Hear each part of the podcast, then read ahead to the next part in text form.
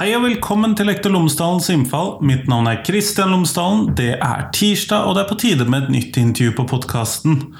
Denne gangen så snakker jeg med Gitske Kvilhaug. Hun har tidligere jobbet i Statped, og jobbet særlig med de elevene som har Tourettes syndrom. Så vi snakker om Tourettes syndrom og ulike måter å jobbe med det på, og det håper jeg at du vil synes er interessant. Det kommer flere episoder om Tourettes i løpet av høsten. Og da satser jeg på at vi får dekket det på mange måter. Ellers, podkasten er som alltid sponset av Cappelen Dam Utdanning. og Hvis du går inn på skolen.cdu.no, så finner du alle de ressursene og oppleggene og i det hele tatt som Cappelen Dam Utdanning har laget i forbindelse med fagfornyelsen i grunnskolen. Alle de tverrfaglige temaene, alle fag, alt alle årstrinn, alt sammen for grunnskolen, det finner du på skolen.cdu.no. Men her får du intervju med Gitske, vær så god.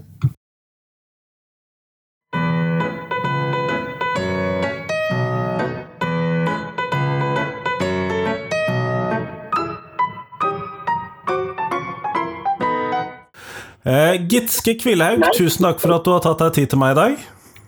Tusen takk for at jeg fikk lov å komme. Før vi starter selve intervjuet, så hadde jeg håpet at du kunne fortelle lytterne mine tre ting om deg selv, sånn at de kan få bli litt bedre kjent med deg. Ja. Jeg har jobbet i Torshov kompetansesenter, senere Statped, siden 1995 og frem til 2017. Eh, jeg jobbet da mest med barn og unge med enten ADHD eller Tourettes syndrom, og de lærer- og atferdsvanskene som ofte følger med. Jeg er blitt pensjonist fra Statped. Men jobber litt sånn fra sidelinjen. Altså jeg har et lite enkeltpersonsforetak, så jeg tar av og til noen rådgivningsoppdrag når noen lurer på ting. Det er greit å ha noe å fylle tiden med når man har blitt pensjonist etter et langt liv med mye å gjøre. Ja, jeg skal jobbe litt eh, Jeg skal muligens jobbe litt også eh, fremover nå. Bistå en kommune med noen telefonoppringninger. Det er viktig å gjøre. Men ja. eh, vi skal jo snakke i dag om Tourettes eh, i dag. Mm -hmm. Og hvorfor er det nødvendig at skoler og lærere og sånn kan noe om dette? Hva er det som er problemet hvis ikke de kan noe om det? Da oppstår det ofte veldig mange misforståelser hvis de ikke kan noe om det. Og vi vet fra forskning at det er uh, misforståelser og feiloppfatninger av hva man ser, som uh, kan uh, ligge til grunn for når elever f.eks. Um, ikke klarer å fungere faglig, ikke klarer å fungere sosialt. Eh, når de etter hvert opplever at de har ganske sterkt nedsatt livskvalitet, i tillegg til at det påvirker jo hele familien. Så det å ha manglende kompetanse eller feil, feil, feil eh, informasjon eller, eller, eller har, baserer sine observasjoner på på hva man tror ting er, så kan det gi ganske negative effekter for eleven. Og det vil også påvirke hele familien. Og vi vet jo at det er mange foreldre som gruer seg til skolestart for eh, barna sine, enten det er første gang de skal begynne på skolen eller etter hver eh, sommerferie. Og det er det veldig mange elever med Tourette som også gjør. De liker ikke alle disse overgangene.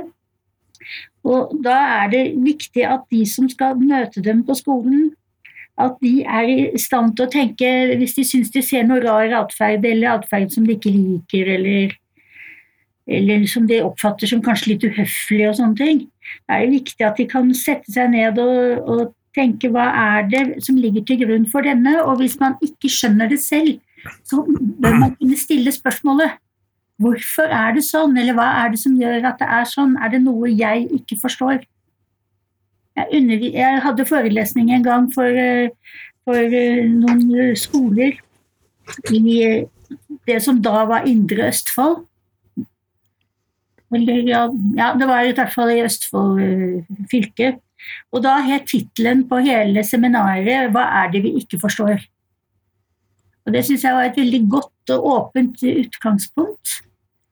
Eh, man skal ikke kreve at alle skal forstå og kunne alt om alle de syndromene som barna kommer med. De skal riktignok i henhold til opplæringsloven ha kunnskaper om det, men det er ikke alle som har det, og ikke alle som har fått det.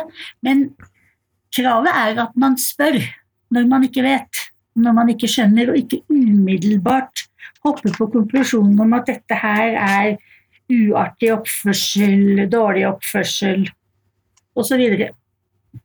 Ja, for hvordan er det personer med Tourettes eh, Hva er det de forteller at de blir møtt med, da?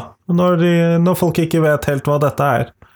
Nei, de, altså, Det er særlig foreldrene som har fortalt meg mye om dette. da, Men eh, det er jo det at de tolker foreldrene som å være lite samarbeidsvillige. Eh, de har, er dårlige på grensesetting. De har de, Noen er også direkte på omsorgssvikt-tanken. Eh, ja, foreldrene og, og barna blir på en måte mistenk, mistenkeliggjort for å, å, gjøre noe annet. Altså, sta vil ikke gjøre som andre, andre gjør det. Eh, lat er det noen som hører. Og så er det det da at hvis det er altså alle disse, All denne usikkerheten og mistenkeliggjøringen som, som, noen barn kan møtes med, det bidrar jo bare til å øke stresset, og som igjen bidrar til at det blir faktisk mer og flere tics enn det de i utgangspunktet eh, hadde. Så det er lat og lite motivert trassig, sta. Nå er jo mennesker med Tourettes syndrom ofte ganske sta og påståelige. Så, så, det er det jo.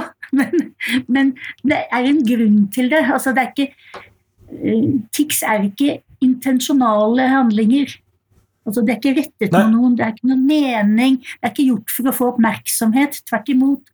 Er det noe det ikke vil, så er det å ha oppmerksomhet. Om Men hva er tics? Det er kanskje et sted vi da må innom? Ja, hva tics er?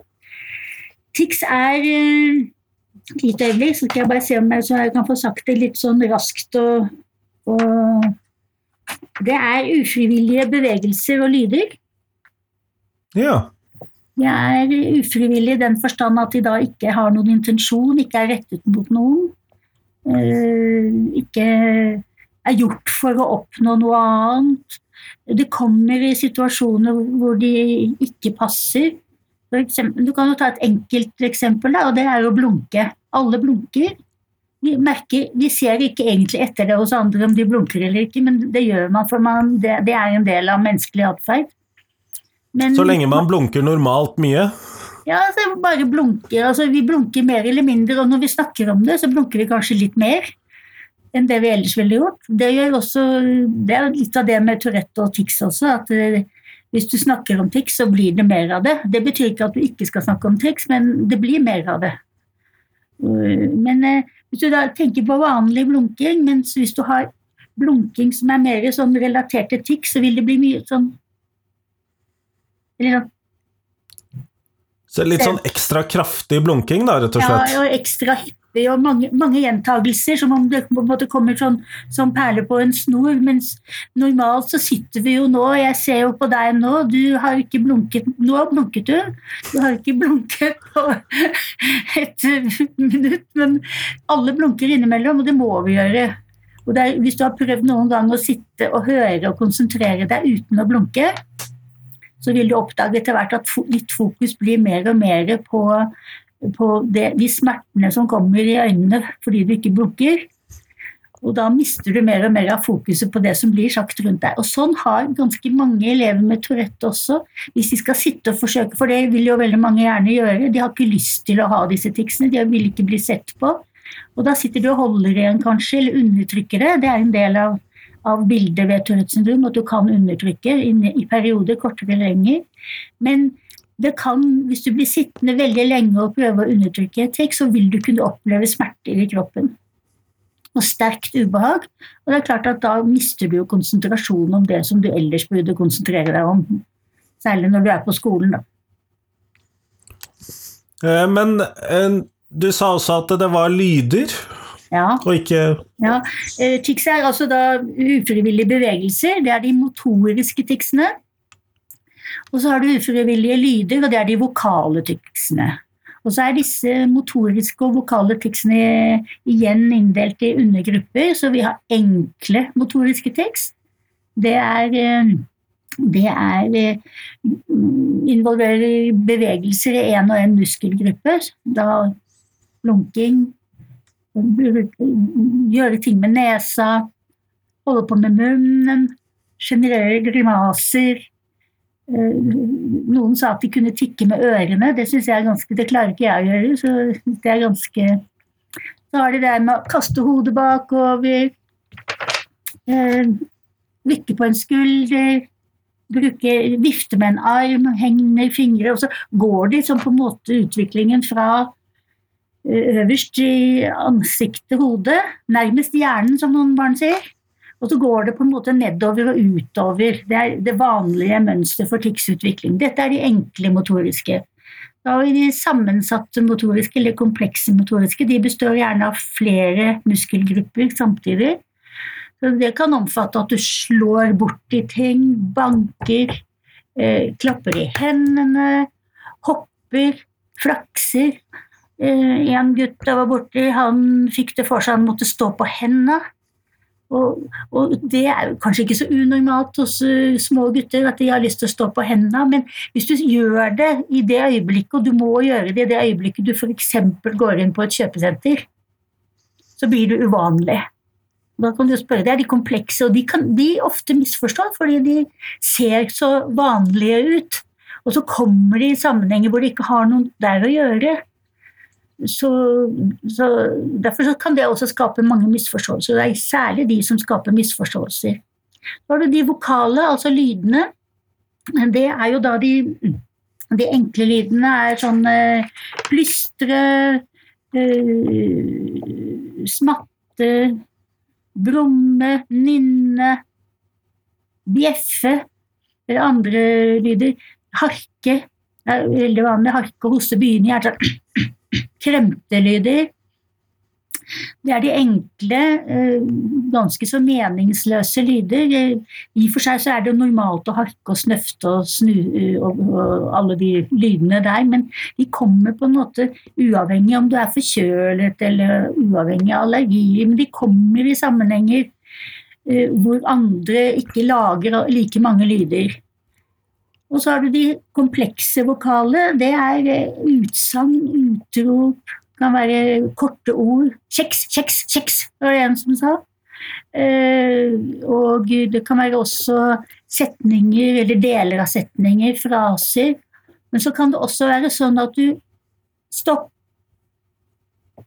opp midt i en, ta, en setning du, når du snakker, eller at du forandrer plutselig tale Begynner rolig, men går over i en sånn talekaos og talehastverk. Og så er det jo noen ganger vanskelig, og særlig det siste der, å skille det fra stamming og løpsk tale. Det er noe man ofte diskuterer. og hvis man lurer på om det er noe i den gaten der, og det er tics også, så bør man kanskje konsultere en logoped for å få, en, få flere synspunkter på akkurat de symptomene. Hva er hva, er her?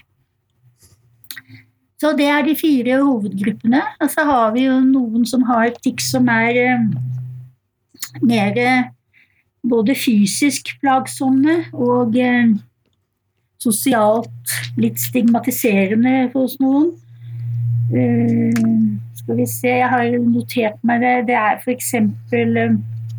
Uh, noen kan ha tics noen, kan, noen ganger så kan tics forstyrre helt alminnelige ting som å drikke, svelge, holde en kopp, gå. Hvis du har veldig kraftige tics i armene f.eks., så kan det bli vanskelig å holde i en kopp uten da å søle eller sånne ting. Det kan være vanskelig å tygge hvis du har mye fiks knyttet til munnen og, og muskulatur rundt, rundt, munnen. Kraftige tics i øynene kan medføre at du får problemer med å lese og skrive. Du kan prøve selv å lese mens du samtidig kniper øynene hardt igjen gjentatte ganger. Det høres ikke spesielt lett ut. Nei, det er ikke spesielt lett. Og eh, det er også noen Det er sjeldnere, men en del tics kan gi fysiske plager og smerter. Og hodepine er, og migrene er eh, ikke uvanlig ved Tourettes syndrom. Da er det helt sjeldne tilfeller med mer alvorlige skader i ryggmargen, skiveprolaps, skader eh, på hjernen.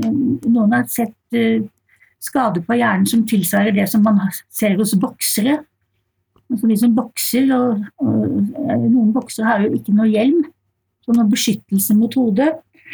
Så det har skjedd, og det, er, det er jo, henger jo noen sammen med at noen former for komplekse motoriske tics kan medføre at du slår deg selv i hodet, eller dunker hodet i veggen. Og det har jeg sett, og det har jeg sett hos en del. og Det er sånn kraftige slag mot hodet, og det gjentar seg og gjentar seg. Så noen former for tics fører jo da til selvskading. Som kanskje er noe annerledes enn det man ellers leser om på nettet når det gjelder selvskadere. Ja, nei, at, Men dette høres ut som veldig komplekse greier. da, Veldig stort og bredt felt med tics. Ja, det er stort og bredt, og det er, det er jo det som gjør at altså, Veldig ofte når man er på sånne konferanser, og så kan noen snakke om hva Tourette er, og så tar de utgangspunkt i diagnosekriteriene, og det er greit nok, det. Det er, det, som, det er de som definerer om du skal ha en diagnose eller ikke. Men så kommer det liksom ikke noe mer. Det er som om man ser på eh, Tourette gjennom et sånt uh, nøkkelhull. Altså Man får et litt sånn smalt perspektiv på det hele. Og Det kommer kanskje også av at det er en god del trekk ved Tourettes syndrom som som ikke alle anerkjenner som, som tics. Eller det er ikke sikkert det er tics heller, men det, det hører til uh, kompleksiteten i bildet. Så Tourettes syndrom er en veldig kompleks tilstand. Det er, du kan si slik at Kanskje 10-15% av de som får en diagnose på Tourettes syndrom, har kun enkle og litt ikke så plagsomme tics. Mens resten har, eh, kan ha hele bredden av mulige tics. Tics kan jo være hvilken som helst bevegelse som kroppen kan gjøre, eller hvilken som helst lyd man kan produsere, kan manifisere seg som et tikk. Og Dermed så kan det jo bli ganske mye for enkelte. I tillegg så er det jo noen som har sosialt eh, plagsomme tics. Eh, mer plagsomme det er de som må herme, f.eks eller må uh, herme enten det folk har sagt. Læreren sier 'sitt ned', og så kommer det 'ned, ned, ned'. Eller uh, 'vær stille', og så kommer det 'stille, stille, stille'. Uh, altså, du må på en måte gjenta det som den personen som du har foran deg, nettopp har sagt. Eller det kan være at du hermer bevegelsene til vedkommende. Hodebevegelser, måte å gå på osv. Det andre er at noen har en kraftig tendens til å skulle gjenta det de selv har sagt, og særlig de siste tingene, eller særlig sånne ting som ha det. Man kan si ha det, ha det, ha det, ha det, ha det. ha det. De vet at det er nok med en gang, men de sier det, det må repeteres. Og Det er jo litt av det som er med tics, at det er repeterende. Med, noen ganger med veldig korte intervaller, og andre ganger med litt lengre intervaller. Um, ja.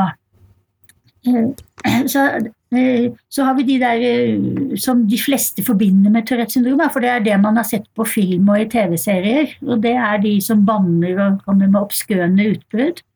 Det kalles for koprolali. Eh, det er i i, ved vanlige sånne befolkningsundersøkelser av hvor mange som har de og de symptomene, så er det ikke så mange med koprolali i Tourette-gruppen. Det er 10-15. Men hvis du undersøker i mer Altså de som på en måte er inn under behandling eller inn under spesialisthelsetjenesten, så vil du finne flere med koprolali. Men det er de vi hører om? Det er de ofte. vi hører om. Men det, som du sa, og hvem som får hva, hvis du får et barn, så er det jo noe av det foreldrene vil frykte mye. Da, det er at de skal utvikle de mest alvorlige symptomene. Men dette vet vi ingenting om. Vi vet ikke hvem det er som kommer til å få de mest alvorlige symptomene, og hvem som fortsetter kanskje bare være milde. Og det kommer litt av at tics, og eh, tics har en tendens til å komme og gå. De viser seg voldsomt, og så er de borte igjen. Og så viser de seg voldsomt, og så er de borte igjen. Og så forandrer de seg. En, en gang så har, en periode så kan du ha veldig tics med skulder, eller, eller med kast, hodekast, eller at du må hoppe eller klappe i hendene. Og så, og så, har du det en stund, og så plutselig er det borte, og så kommer det et annet i stedet. Og så når det andre er kommet inn, så kan det gamle komme tilbake igjen. Og alle disse her forandringene og variasjonene de er uforutsigbare, både for den det gjelder, for foreldrene og for omgivelsene. Man vet egentlig ikke. Det må jo være ekstra frustrerende for de som eh, både for eh, den det gjelder og for de rundt, at det kommer og går litt, da, vil jeg tro. Ja, det, og det er eh, Det skaper en del eh, si, sorgreaksjoner, særlig hos foreldre til mindre barn. Da. Fordi de tror 'å, nå er det over'. Oi! Og så plutselig er det tilbake igjen. Så, så, det er klart at det, det, det, er frustrerende. Men så er det jo slik, som jeg kanskje bør nevne nå, at det er ikke alle som har tics, som har Tourettes syndrom. Nei. Er, vi deler det inn i midlertidige tilstander og kroniske tilstander. Midlertidige tilstand det er ganske vanskelig å finne ut hvor mange det er, men jeg har sett undersøkelser som indikerer en eh, at en, skal bare sjekke for sikkerhets skyld, at uh, midlertidige tilstander opptrer i, hos, uh, hos vel 10-20 av barn i skolealder. Vi har TIX en periode, eller skolealder og i førskolealder. For det er vanlig med start sånn en eller annen gang i løpet av de ti første leveårene. og Fire til seks års alder er nokså vanlig start av TIX.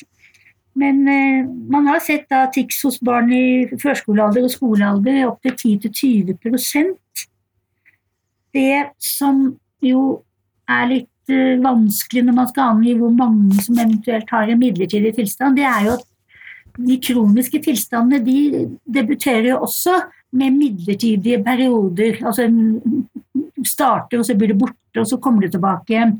Sånn at det kan være litt vanskelig å vite om dette er en reell midlertidig tilstand, eller om det er noe som er i gang for å utvikle seg som en mer kronisk tilstand.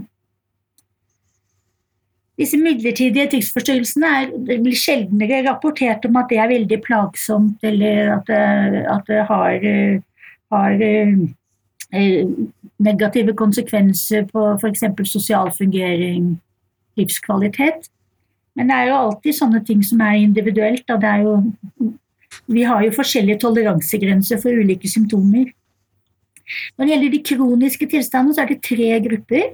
Den ene gruppen er de som kun har de motoriske ticsene, altså bevegelsene. Den andre gruppen er de som kun har de vokale ticsene, lydene. Og så er det Tourettes syndrom, hvor du både skal ha motoriske tics og vokale tics. Og Der er jo diagnosemanualen ganske spesifikk på mange hvordan disse ticsene skal være og osv. Men det, det, er ikke så viktig. Det viktigste er å vite at ved Tourettes syndrom så har du begge deler. Eh, det er funnet eh, fra 1 til nesten 4% av barn i skolealder med disse vedvarende motoriske eller vokale tekst. Og så er det funnet rundt 1% av barn mellom 6 og 16 år, opp mot 1% som vil kunne ha, vil få en diagnose på Tourettes syndrom. Sånn at det er et begrenset antall per skole, da, for å si det sånn. Altså det, flere, det gjør det kanskje litt vanskeligere? Det er flere enn det man trodde før. Før så trodde det var en uhyre sjelden, uh, sjelden forekomst. Og det kommer nok av at uh, at han som eh, jo definerte Tourettes syndrom, da, han eh, Gilles de la Tourette, levde fra 1857 til 1904. Han var den første som beskrev disse symptomene under ett. Det var tidligere beskrivelser også, men han beskrev ni tilfeller av det han kalte for maladidetikk. Han kalte jo ikke Tourettes syndrom. Det var etterfølgerne hans som ga dette navnet eh, Tourette. Eh, og han beskrev de samme symptomene som vi ser i dag. Han antok at det var en nevrologisk forstyrrelse. Det er jo ganske fremskredet. Start i barndommen. Han uh, antok at det var arvelige komponenter her. Litt av grunnen var at det forekom i alle sosiale lag, så det var ikke liksom noe man bare kunne feste på de nederst på rangstigen. Det forekom også, også i adelen, tenkte jeg. Men han antok at arveligheten hang sammen med en eh, han, han hang sammen med et svekket nervesystem pga. umoralsk oppførsel i tidligere generasjoner. Det er jo, det er jo litt sånn Så arvesynden, altså? Det er arvesynden. men det er jo litt sånn med genene våre òg, da. Vi kan jo ikke noe for dem, men vi arver dem jo. Og det er ikke alle gener som slår seg på, noen slår seg av. Du arver jo ikke Tourettes syndrom, men du arver disposisjoner til å kunne utvikle tics. Og så kan det være at det er flere faktorer som spiller inn for når det først gjelder at du utvikler tics og Tourettes syndrom. Så snakket han om dette at det kommer og går, altså det som på engelsk kalles for wax and wane. Og så snakket han om noe, dette med ekko- og koperofenomener. Eh, men så snakket han også om at for mange, opp mot 90% av eldre barn, ungdommer og voksne med Tourette, kan jo uh, fortelle om en, en økende sensorisk ubehag i kroppen for noen. Det kan klø, det kan være varmebølger, det kan føles som stramminger, uh, nesten som kramper i noen tilfeller. Og det kommer da før det bygger seg opp og bygger seg opp, og så kommer tikket. Og noen sier jo rett ut at tikket det er frivillig respons på ufrivillig, et ufrivillig indre ubehag. Så Det er en viktig del, og det er noen av de symptomene som, som barn kan ha, men som de minste er ofte ikke helt oppmerksomme på det, men det kan hindre dem i å, å, å komme i gang, f.eks. Det var en jente hun, hadde, hun, sa at hun har det mer sånn i hodet da, eller i hjernen. At hun henger seg opp i et ord eller henger seg opp i en setning eller henger seg opp i et bilde hun får. Og så må hun bare være i det bildet og det ordet og sånt noe. Kommer ikke videre, og dermed så hun jo, blir hun jo beskyldt for å ikke komme i gang og ikke høre etter og sånne ting. Så det er en viktig del å være klar over de indre fenomenene uh, som en god del med Tourettes syndrom har. De aller fleste har en indre oppbygging av et ubehag, enten i kroppen og noen da, som de sier, i hodet, som da utløser tics. Uh, men noen kan også ha bare det indre ubehaget uten at det følger tics med. Men de fleste har Skjønner. en sånn eh, indre ubehag, bygger seg opp, en trang til å gjøre ting. Og så gjør du det. Og så går det indre ubehaget over, men så kommer det tilbake igjen. Og da kommer ticsene tilbake igjen. Så det er en slags sammenheng. Men er det noe i eh, Er det noe som skaper mer tics, eller som kan bidra til å redusere det? Fordi at eh, jeg antar jo at, er, at vi kan ha noen sånn forsterkere og reduserere her. Ja. Vi har noe er, altså, Igjen må jeg bare si at det er veldig individuelt hva som forsterker og hva som reduserer. Men jeg kan jo si noe sånn at det som kan bedre, det er at du har god søvn. Eh, en god det står i diagnosemanualen at tics blir borte under søvn. Det gjør det ikke. Folk tikser også i søvne. Men det kan jo selvfølgelig påvirke eh, søvnkvaliteten. Noen kan ha innsovningsvansker. Eh, det er ikke nødvendigvis knyttet til Tourette i seg selv, det kan også andre ha. Eh, og hos ungdom og barn som i dag bruker mye tid foran skjerm, så vil det være veldig uheldig i forbindelse med at man skal gå og legge seg. Det, disse PC-skjermene, uh, iPader og iPhones og alt det der, de utstøter veldig blått lys som, som påvirker søvnhormonene og søvnrytmen. Man kan da derfor få vanskeligheter med å, å sove. Det å være mett kan være en riksreduserende eh, eh, faktor. Og så er det noe av det som det å ha, sørge for fokusert oppmerksomhet på noe som interesserer deg, særlig i perioder med tekst. En lærer som på en måte passer på at eleven får lov til å fokusere på noe som vedkommende er god til i perioder med mye tekst, kan da oppleve at uh, uroen hos den eleven demper seg. Avslapping er for noen en god ting, men for andre så kan det faktisk gi mer tekst. Komme hjem fra skolen, sette deg foran TV-en for å slappe av, og så kommer teksten i bøtter og spann. Muligens.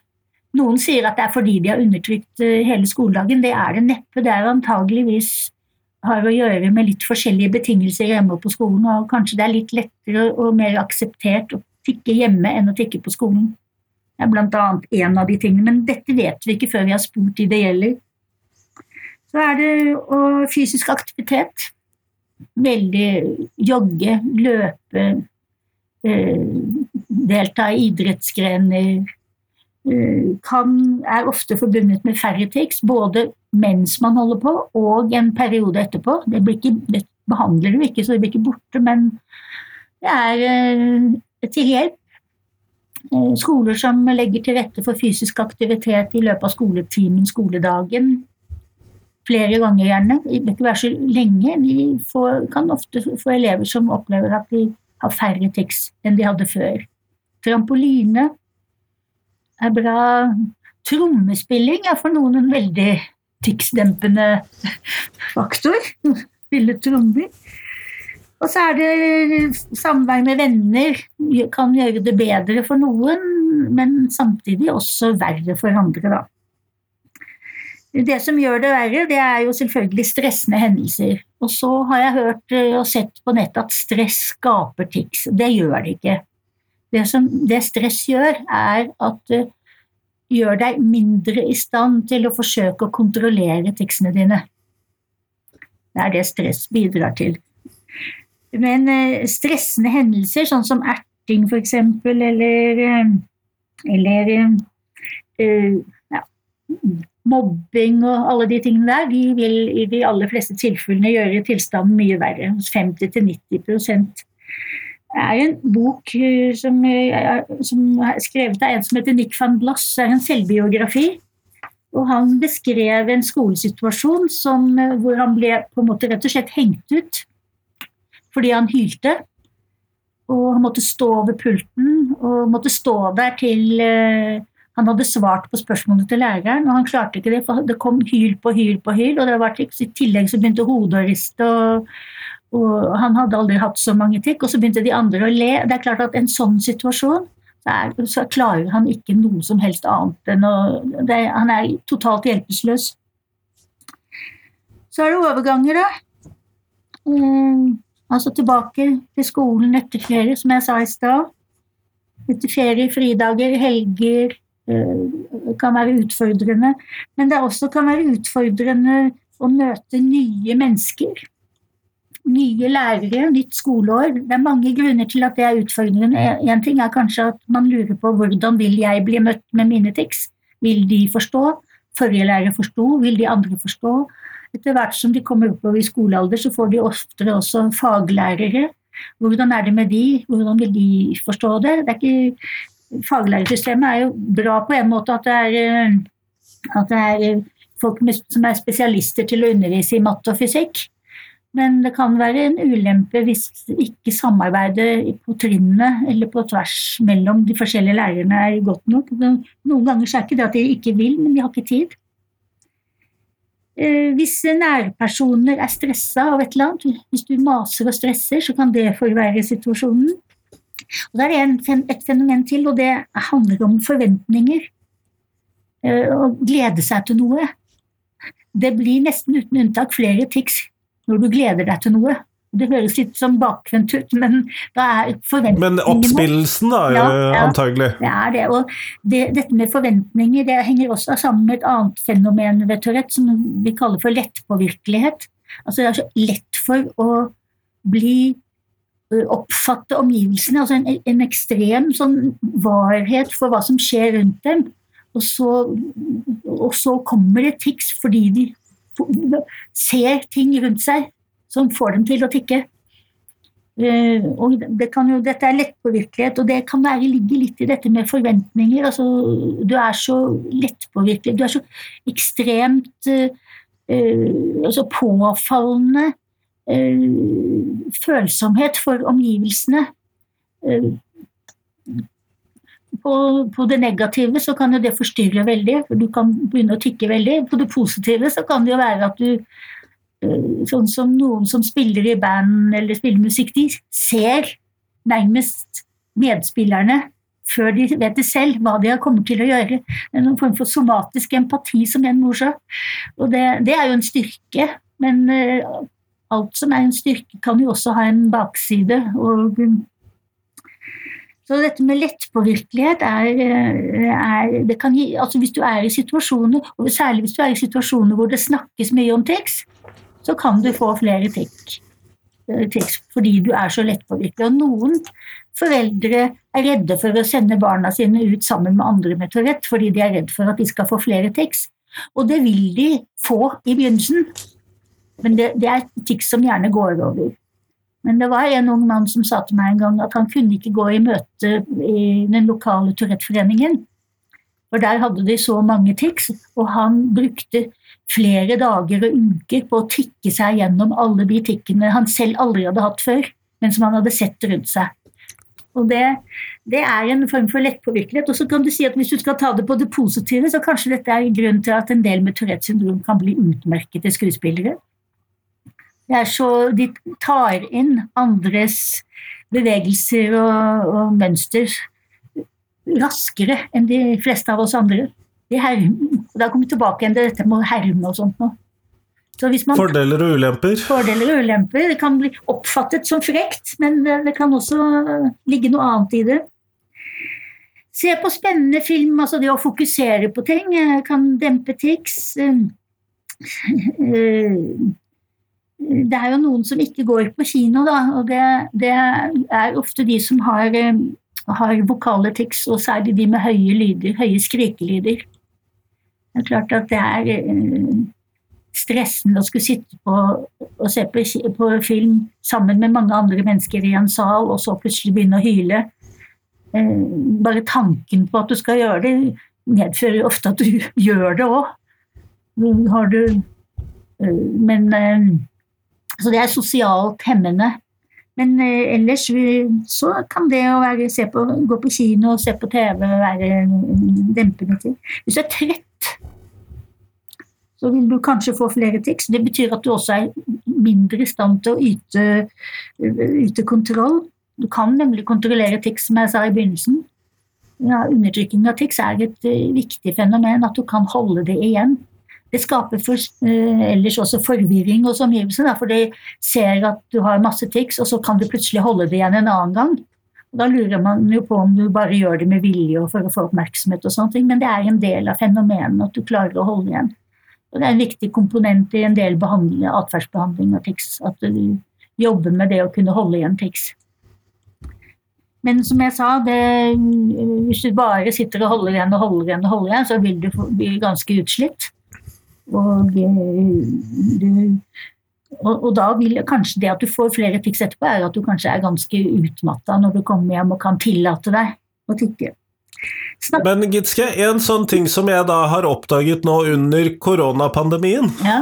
som kanskje kan gjøre det litt sånn relaterbart for de som hører på eh, Fordi at det, det, har jo blitt veldig sosialt lite akseptert å hoste. Ja. Og jeg har merket det noen ganger når jeg har sittet og holdt, prøvd å holde igjen den hosten. Ja. Det blir det tar all oppmerksomheten jeg sitter med der og da. Ja. Og det tar det lenge, og jeg blir kjempesliten. Ja, og det er det og samme. Det, men, og det er jo ikke i nærheten av på en skala fra det de med Tourettes da opplever hvis de prøver i sin sammenheng, men jeg syns det er veldig relaterbart etter å ha måttet holde inne så mange host nå i løpet av pandemien. Ja, jeg kjenner det igjen selv òg, for jeg har også gått og holdt igjen host. Jeg har fått astma, og av og til så hoster jeg, og det er så flaut. Så jeg prøver å unngå det og prøver å holde det igjen. Men jeg, jeg kjenner jo nå når du snakker om det, så kjenner jeg det begynner å kli, krible i halsen. Så dette med andres reaksjoner på ens tics kan være mer plagsomme enn selve tikket. Og eh, en person med tics voksen sa at eh, det å ha tics eller Tourettes syndrom i seg selv er ikke så ille, men det, er, men det er de andres reaksjoner på mine tics som kan gjøre verden litt uh, vanskeligere for meg.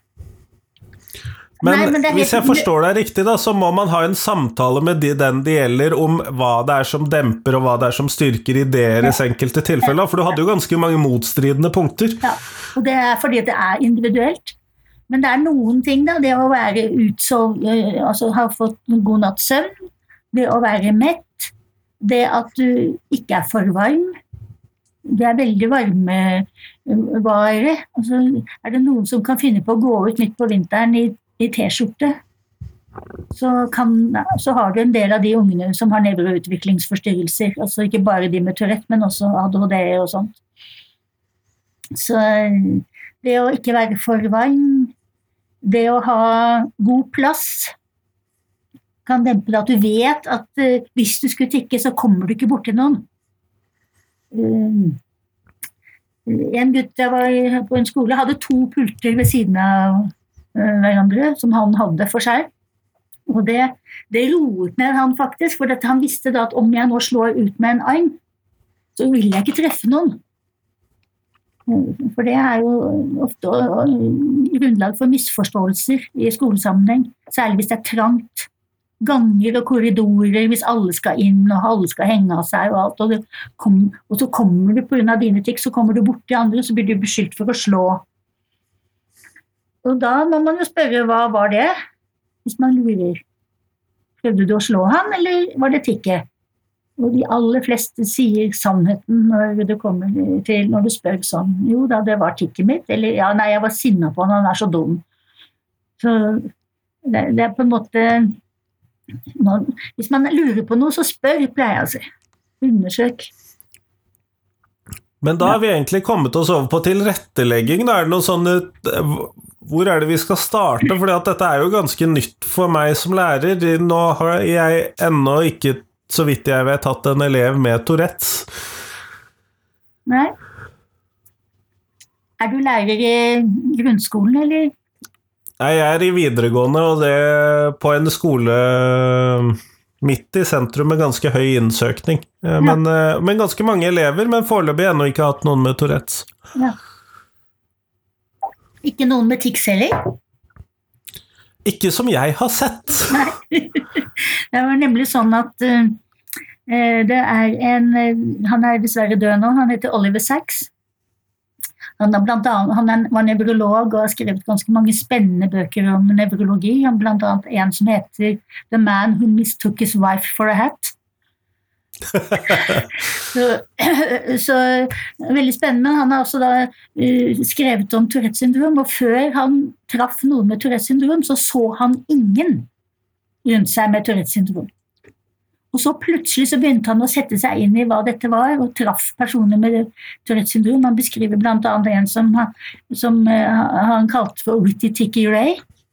Han var En morsom fyr, men med hauger av triks. Det gikk i ett.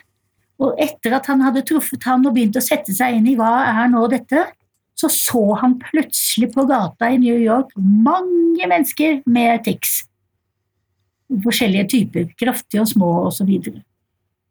Hvis du tittsetter deg ned på en buss eller bane og titter litt rundt, så vil du se at det er veldig mange mennesker som gjør mye rart. Med ansikt og, og hode og sånn, men du vil kanskje også se noen som da du vil kunne identifisere som tics. Eh, Men så var det tilrettelegging. Jeg pleier ofte å eh, si at når man, når man skal begynne et skoleår, eller la oss si f.eks. det er en overgang da, fra et skoleslag til et annet, så vil jeg synes ofte at det er fornuftig å samle de lærerne som har jobbet med eleven, sammen med de lærerne som skal overta, Og hvis det har gått bra der, da, å få de lærerne til å fortelle hva er det vi har gjort når det går bra. Og så kan man også si hva er det vi har gjort når det ikke går så bra. Og så prøve å plukke ut de elementene som har vist seg å få det til å gå bra. Og da er vi jo inne på dette med fysiske rammer. Hvordan ser skolen ut? Skolebygningen ganger klasserom. Nå tror ikke jeg at det går an alltid å bygge om alle skoler. Vi kan ikke rive ned alle skoler og sette de opp på nytt igjen. Men det er i hvert fall noe der som eh, man kan være oppmerksom på, særlig hvis det er, mye, hvis det er trangt, hvis det er dårlig luft osv. Så, så, så det er jo ting man kan få gjort noe med.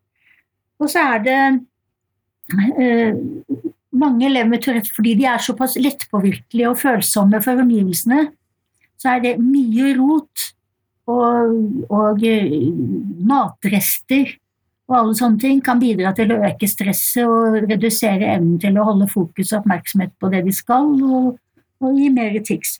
Så vi må ta hensyn til alle sånne ting. Eh, så er det ressurser ja, vi, har, vi, trenger jo ikke gå inn på det, men både alle elever har jo rett på tilpasset opplæring. Hvordan skal vi gjøre det? Hvis ikke tilpasset opplæring virker, så har de kanskje rett på spesialundervisning. Eh, det må jo da vurderes. Eh, så har du behov for assistent, er det behov for to lærere. Og så kan det av og til for noen være behov for å ha et ekstra sted å gå til. Et sånn evakueringsrom. Og så må man være litt obs på at det å gå ut av timen er ikke for å gå ut av timen for å ha fri, men du skal egentlig kunne gå ut for å kunne jobbe et annet sted hvor betingelsene er enklere å håndtere for deg. Det var som en gutt med Tourette, og han hadde også ADHD, han fikk ha eksamen på eget rom for da kunne han stå og jobbe. Han kunne gå rundt mens han eh, tenkte og snakket, og han visste at når han kunne det, så forstyrret han ikke de andre, for det er også en faktor. Altså, de vil jo helst ikke forstyrre noen eller få mye oppmerksomhet. Så, da, så det å ha en sånt eh, sted hvor man kan gå til så er det eh, samarbeidsrelasjoner mellom eh, ansatte. At man jobber sammen og Kanskje noen får til mer med den eleven enn andre, og da er det jo lurt å undersøke hva er det du gjør som gjør at du får det til. Og, hva, og noen ganger så må man nesten være helt Særlig hvis det er veldig vanskelig atferd, så må man være konkret. Og kanskje øve sammen også på hvordan håndterer jeg det. Og så må man også huske på at en del av disse elevene de kan være ekstremt sensitive for måten du snakker på, eh, stemmebruken din, men ikke minst for blikk. Man er litt obs på seg selv i hva man sender ut av nonverbale signaler. Kan, som lærer, som du sikkert vet, så kan du noen ganger bli ganske sliten. Og litt oppgitt. Det har hett. Ja, og mye mas og ja, Så det vet jo alle. Men hvis du da blir det av den eleven med Tourette, men du prøver å skjule det Vil ikke at han, skal, han eller hun skal oppdage det, så oppdager de det. altså. Vi ser det før du nesten vet selv at du har sendt ut et sånt signal. Så, så, hvis det er sånn at du er oppgitt og trett, så, kan, så, er det faktisk lov å si at nå er jeg sliten, så nå må jeg gå ut og ta meg en pause. Eh, fordi, da, fordi de oppdager uansett hvis du er lei av dem og sliten av dem. Og det skaper mer stress og kan gi mer, mer tics. Men det å være åpen på det, det er, det er ikke urimelige mennesker, dette her. Altså, de forstår godt. Og mange av de har veldig gode eh, evner eller kognitive forutsetninger. Og så er det ja, relasjoner mellom elever, og så er det rett og slett å gå igjennom hva er denne elevens styrkeområder, og hva er utfordrende.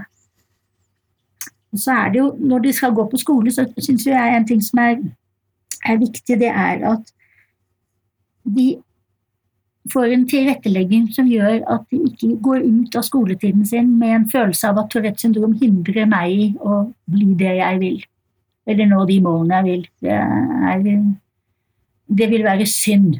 For Tourettes syndrom skal ikke være et hinder for læring og utvikling. Så det, det blir på mange måter litt av rammene. Det forutsetter jo også litt at elevene er i stand til å akseptere seg selv. Godta at ja, jeg har tics, sånn er det. Jeg har tics, og sånn er det. Og hva så? Det er en litt sånn uh, aksepterende holdning, men det forutsetter jo at omgivelsene og nærpersoner også har det. Uh, og så er det selvfølgelig samarbeid med foreldrene og med eleven selv. Det kan være helt avgjørende. Lytte til dem, høre hva de har erfart. Hvis det er noe du syns er vanskelig, spør har dere opplevd det hjemme. Hvordan er det? Men det krever jo at du selv forstår en del, og at du er i stand til å møte dem med en åpen og aksepterende holdning. Det, jeg syns veldig mange lærere er veldig flinke til det. da. Men det er jo også noen som, Det er jo godt å høre. Ja, det er jo noen som ikke er det, selvfølgelig. Må du ha kunnskaper om hva TIX er, som jeg har sagt, og hva som er TIX-dempende tiltak, som den nevnte i stad. Hvilke situasjoner er det færre, og hvilke er det mer? Så er det kanskje Jo, pauser. Jeg sa noe om å kunne gå ut. Hvis man skal ha pauser pga. mye tics, så skal aldri eleven få lov å gå ut på eget initiativ. Det kan lett føre til at de forsvinner fra hele undervisningen og blir borte. Det må være en eller annen form for avtale mellom lærer og elev på at nå er det så mye tics at jeg trenger en pause. Og da Den avtalen kan jo være diskré. Jeg legger en, legger en, kulepenn foran på pulten min. Ja. Når jeg har gjort det, så skjønner du at jeg trenger en pause. Eller omvendt. Du skjønner at eleven kanskje trenger en pause. Og Da kan du gi et tilsvarende signal, noe, gå tilfeldigvis rundt og legge noe fra deg på pulten som et signal om at nå får du lov å gå ut og, og gjøre noe annet. Og jobber du med mindre barn, så vil det jo være som jeg sa i sted, det å ha fysiske aktivitetspauser. Eh, pausegymnastikk var det ikke noe som het det en gang. Jeg har sett skoler og lærere hvor de da eh, De har økter på halvannen time, og det er små barn noen ganger. Og da er noen lærere veldig flinke til å legge inn regelmessige stå ved pulten, hopp og sprett, strekk deg, gjør noe med kroppen, for det vil hjelpe alle elever, egentlig, men særlig de med, med mye tics, og de som også kanskje har ADHD. Eh, så er det jo Hvis du har mye tics i timen, så er jo det å være Prøve å legge til rette for en rolig atmosfære. Det krever en god klasseledelse. Og du har styring på klassen, og det er rolig. At du ikke roper og hyler til dem, men snakker med en rolig stemme. Uh, at du uh, Ja. Hvis du snakker på tomannshånd med eleven, så, så jeg sa i sted at det blir flere tics av å snakke om tics. Men uh, det betyr ikke at man ikke kan snakke om det. Men man må snakke om det på en måte som du, jeg ser at du gjør sånn og sånn jeg tror at det er ticsene dine, stemmer det. Og hvis de ticsene da f.eks. er til sjenanse for andre, så må man snakke om det. Eh, hva kan vi gjøre med det? Andre, andre liker det ikke. Kan du, kan, kan du, komme på noe? Kanskje jeg kan komme på noe? Altså, hvordan skal vi eh, ta det? Og så er det det at det, det, en undersøkelse av en forsker som heter Wadman de undersøkte hva det var ved skolen som elevene syntes var vanskeligst. Og det var jo lærere blant annet som ikke trodde på dem når de sa det var TIX. Nei, det er ikke TIX. Eh, og så videre. Mens når de sa det, så, så ble jo det eh, ikke blitt trodd på. Det bidro til nedsatt eh, trivsel i skolen. Det kan jeg lett se for meg. Ja. Og så rom for, for å ta ut tekster. Gå og tikke et annet sted. Ta med deg leseboka, gå og tikke et annet sted. Sånn. Men disse eh, kommer Tourettes i sammenheng med andre Er det vanlig at det kommer sammen med ADHD? For det hørte jeg at du nevnte her eh, nå nettopp, at, elever, at elever kunne ha ADHD og Tourettes samtidig. Er det vanlig? Ja. Det er, det er funnet opp mot i hvert fall ja, over halvparten av elever med Tourettes syndrom har ADHD i tillegg. Så det er en dobbelttilstand. Og så er det ja, Forskning tyder på 50-80% med ADHD. Så har vi tvangslidelse. Det er full tvangslidelse, altså det vi kaller for OCD. 10-30 Litt underkategori av det som vi kaller for tvangsatferd. Rundt 50 Eh, men så har vi det med at noen av de komplekse tikkene de ser ut som tvangshandlinger. Og da pleier vi gjerne, og Hvis det ikke er OCD-relatert, så sier vi det er TIKK-relatert tvang. Og det kan gå på sånne ting som eh, at du, at du må ta på ting Bare for å ta ett eksempel, da. Ta på ting til det føles riktig i hendene. Du må, måte, hvis du kommer borti noe med den ene hånden, er også et annet fenomen, så må du gjøre det samme med den andre hånden. Det er en sånn balansesak. Det virker som de har en hjerne som søker etter balanse hele tiden. Så kommer du skjevt ut på den ene siden, så må du rette opp på den andre siden. En gutt sto helt skjevt sånn, og så spurte hva, hva, hva, hvorfor står du sånn? Jo, fordi at jeg har sittet hele dag sånn. Så så måtte han, for å få tilbake balansen, måtte han gjøre det samme på den andre siden. Eh, ja, det er en eh, Motoriske vansker er en del av det eh, for noen. Um, særlig det med å skrive kan være vanskelig. Det er jo vanskelig å skrive hvis du har mye tikk i hender og fingre. Men det kan også være en reell sånn motorisk koordinasjonsforstyrrelse. Eh, dette med hypersensitivitet har jeg jo snakket om. Sinne og raseri. Eh, voldsomme utbrudd. Det forekommer som regel når det er samtidig ADHD og eller OCD-tvang. Barn med tvang kan få enorme raseriutbrudd. Eh, fordi at Særlig på skolen da, så blir de ofte avbrutt i tvangshandlingene sine. fordi at folk skal jo videre. Du kan ikke stå der og klappe på pulten mer nå, eller du kan ikke stå her og gjøre det og det, for vi må jo videre. Og så blir de avbrutt, og det er det verste du kan gjøre mot dem, for da må de jo starte på nytt. Du kan jo ikke avslutte dette før det er fullstendig. Og når de da må starte på nytt, så må de starte på noe som de opplever som utrolig ubehagelig, flaut, ekkelt, vemmelig. Eh, så jeg tror kanskje at det er ikke så vanskelig å forstå at man da kan få et utbrudd mot de som avbryter deg. Det samme gjelder jo også med Tourette, at de kan, må, må, gjøre ting til det føles likt på begge sider, men også gjøre ting til det føles, ses, høres helt riktig ut. Så da får du en gjentagende atferd som kan minne om tvang, men som også kan Du ser de såkalte komplekse motoriske tikkene de kan se sånn ut, de også. Få sånn tvangspreg. Ellers er jo det som er de vanlige vanskene i tillegg til ADHD og OCD, så er det jo angst og stemningslidelser. Forekommer ofte. Særlig hos eldre. Selvskading har jeg vært snakket litt om. Det kan noen ganger også handle om tics som faktisk gir skader, sånn som å dunke hodet sitt eller presse en Han hadde det med å måtte, Han hadde noen ekkel følelse i øynene på utsiden. Så han presset inn med fingeren hardt inn mot øyeeplet på den ene siden. Men fordi han også da hadde dette med balanse og gjøre likt på begge sider, så måtte han også gjøre det på den andre siden. Og dette påførte jo øyet hans skader. Så, så, det var ikke selvskading i den forstand, men det var rett og slett en del av, av tikkene. Og dette her som driver dem frem, det er veldig sterke krefter sensoriske krefter. Så, som du bare ikke, man kan, det som kan være litt vanskelig for oss, er, er det ikke bare å slutte, men det er ikke det. Du bare må gjøre det videre. Og noen ganger så er de tingene som du bare må gjøre, som du kjenner inni deg, de er det vi kaller for kontrære. Vil si at du bare må gjøre det du nettopp har blitt fortalt at du ikke må gjøre.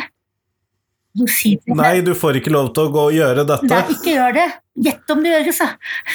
Men sånn er det jo litt for oss også. Hvis noen sier noe du ikke skal gjøre, så har du en tendens til å gjøre det, da.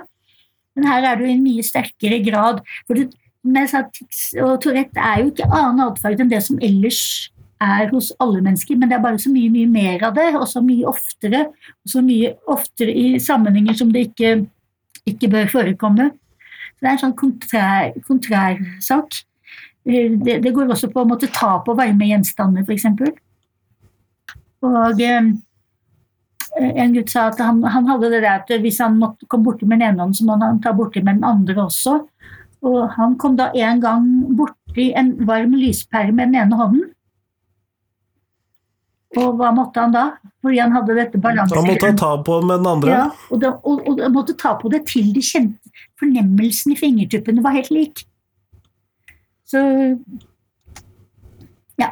Autismespekterforstyrrelser eh, Det er vel rundt eh, eh, i, i, gruppen med autismespekterforstyrrelse så er vel rundt sånn opp mot 6% har også Tourettes syndrom. Og så er det som andre diagnoser. Men så er jo dette her er jo nevroutviklingsforstyrrelser, og mange av disse forstyrrelsene deler jo symptomene. Dette her med overfølsomhet, sensorisk trang eh.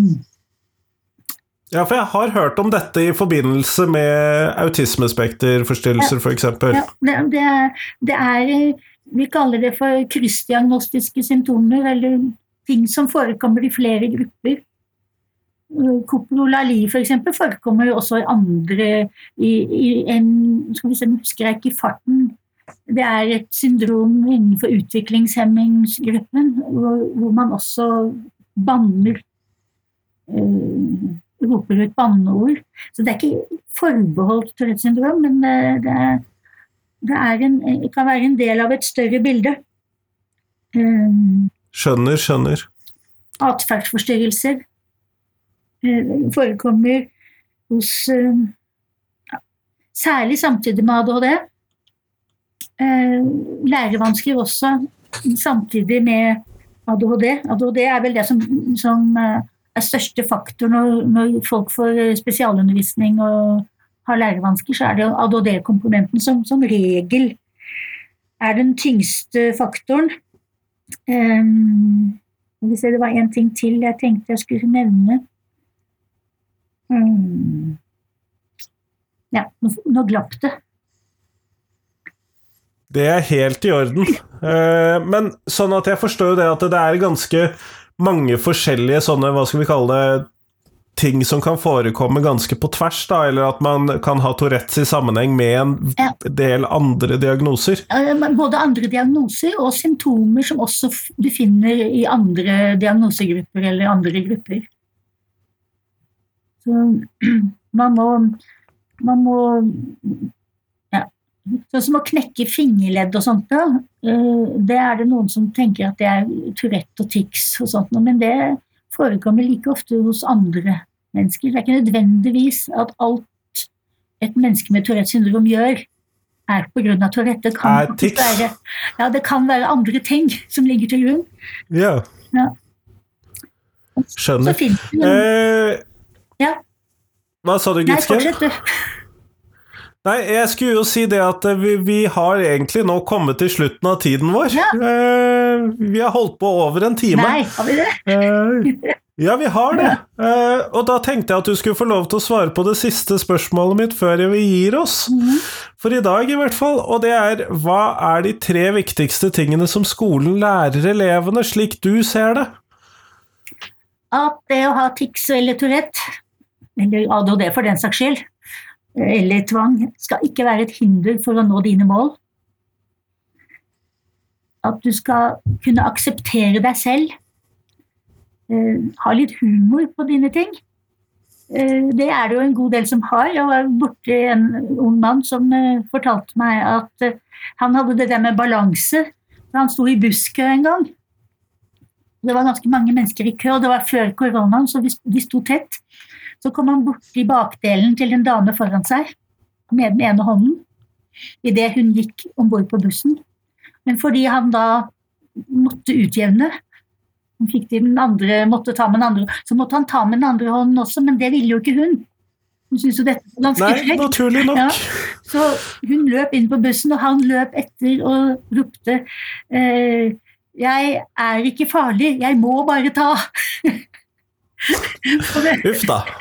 Og dette fortalte han jo med latter, så hadde en, sånn, han hadde evne til å le av seg selv. Og det å kunne le av det og kunne snakke om det uten at du uh, ufarliggjør det ved at du snakker om det, og kanskje også har litt humor på det, det pleier for mange å være en hjelp. Det kommer litt an på hvor langt ned i langt ned du er følelsesmessig pga. at du har Tourettes. Så det jeg sier, det å akseptere seg selv, ha litt selvironi og humor, eh, det kan bidra til hjelp. Og at du som lærer snakker om tics og om det de sliter med, på både en pragmatisk måte, altså du sier 'det og det sliter du med', 'det og det ser jeg', men samtidig en veldig empatisk stil. Altså jeg skjønner at dette er vanskelig, jeg vil veldig gjerne hjelpe deg.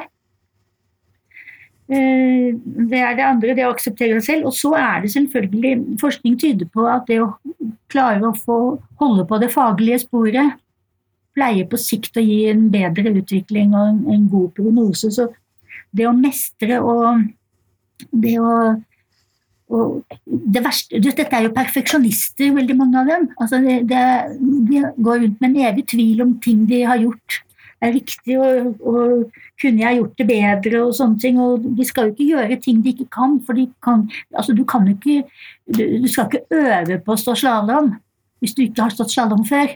For du, du, skal jo ikke gjøre ting du ikke kan. Man kan jo ikke det. Nei, for da, da bryter det med den derre eh, den kognitive stilen som hva som er riktig og hva som er godt nok. Så jeg tror det å, og det å da oppleve at du faglig sett blir hengende etter, det kan bidra til å forverre problemene enn motsatt. Da må man finne løsninger på, hvis det er vanskelig, hvordan de skal faglig holde seg på sporet. Selvfølgelig i samsvar med evner og anlegg og interesser. Men det, å få, det å få muligheten til å også jobbe med spesielle fag og ting som de syns er spesielt spennende, Geografi f.eks. er noe som syns er spennende. Vite hvor alle landene er, og hvor grensene går og sånne ting. Så jeg tror det å holde mestring og faglig utvikling tror jeg også er det tredje jeg vil si at jeg håper at de kan lære seg på skolen. Det at de kan gå videre. Og at om du ikke har fått til alt på en gang, så er, det, er, det ikke, er ikke livet over når du er ferdig med ungdomsskolen eller videregående. Da kan du det går an å lære ting også i voksen alder. Tro det eller ei. Kjempeflott, Gitske. Tusen takk for at du tok deg tid til meg i dag. Tusen takk for at jeg fikk komme.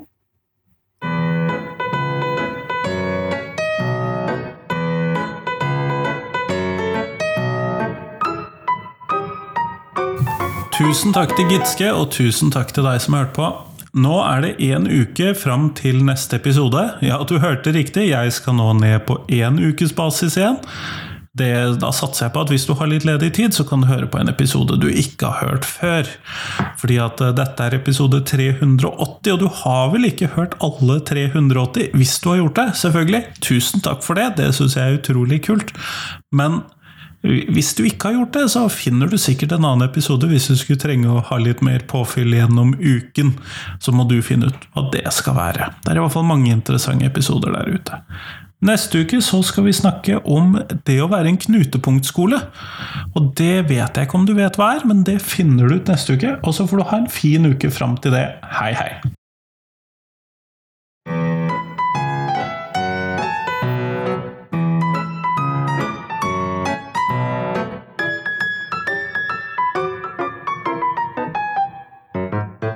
Husk at du kan gå inn på Instagram for å finne bilder av uh, Lektor Lomsdalens innfall.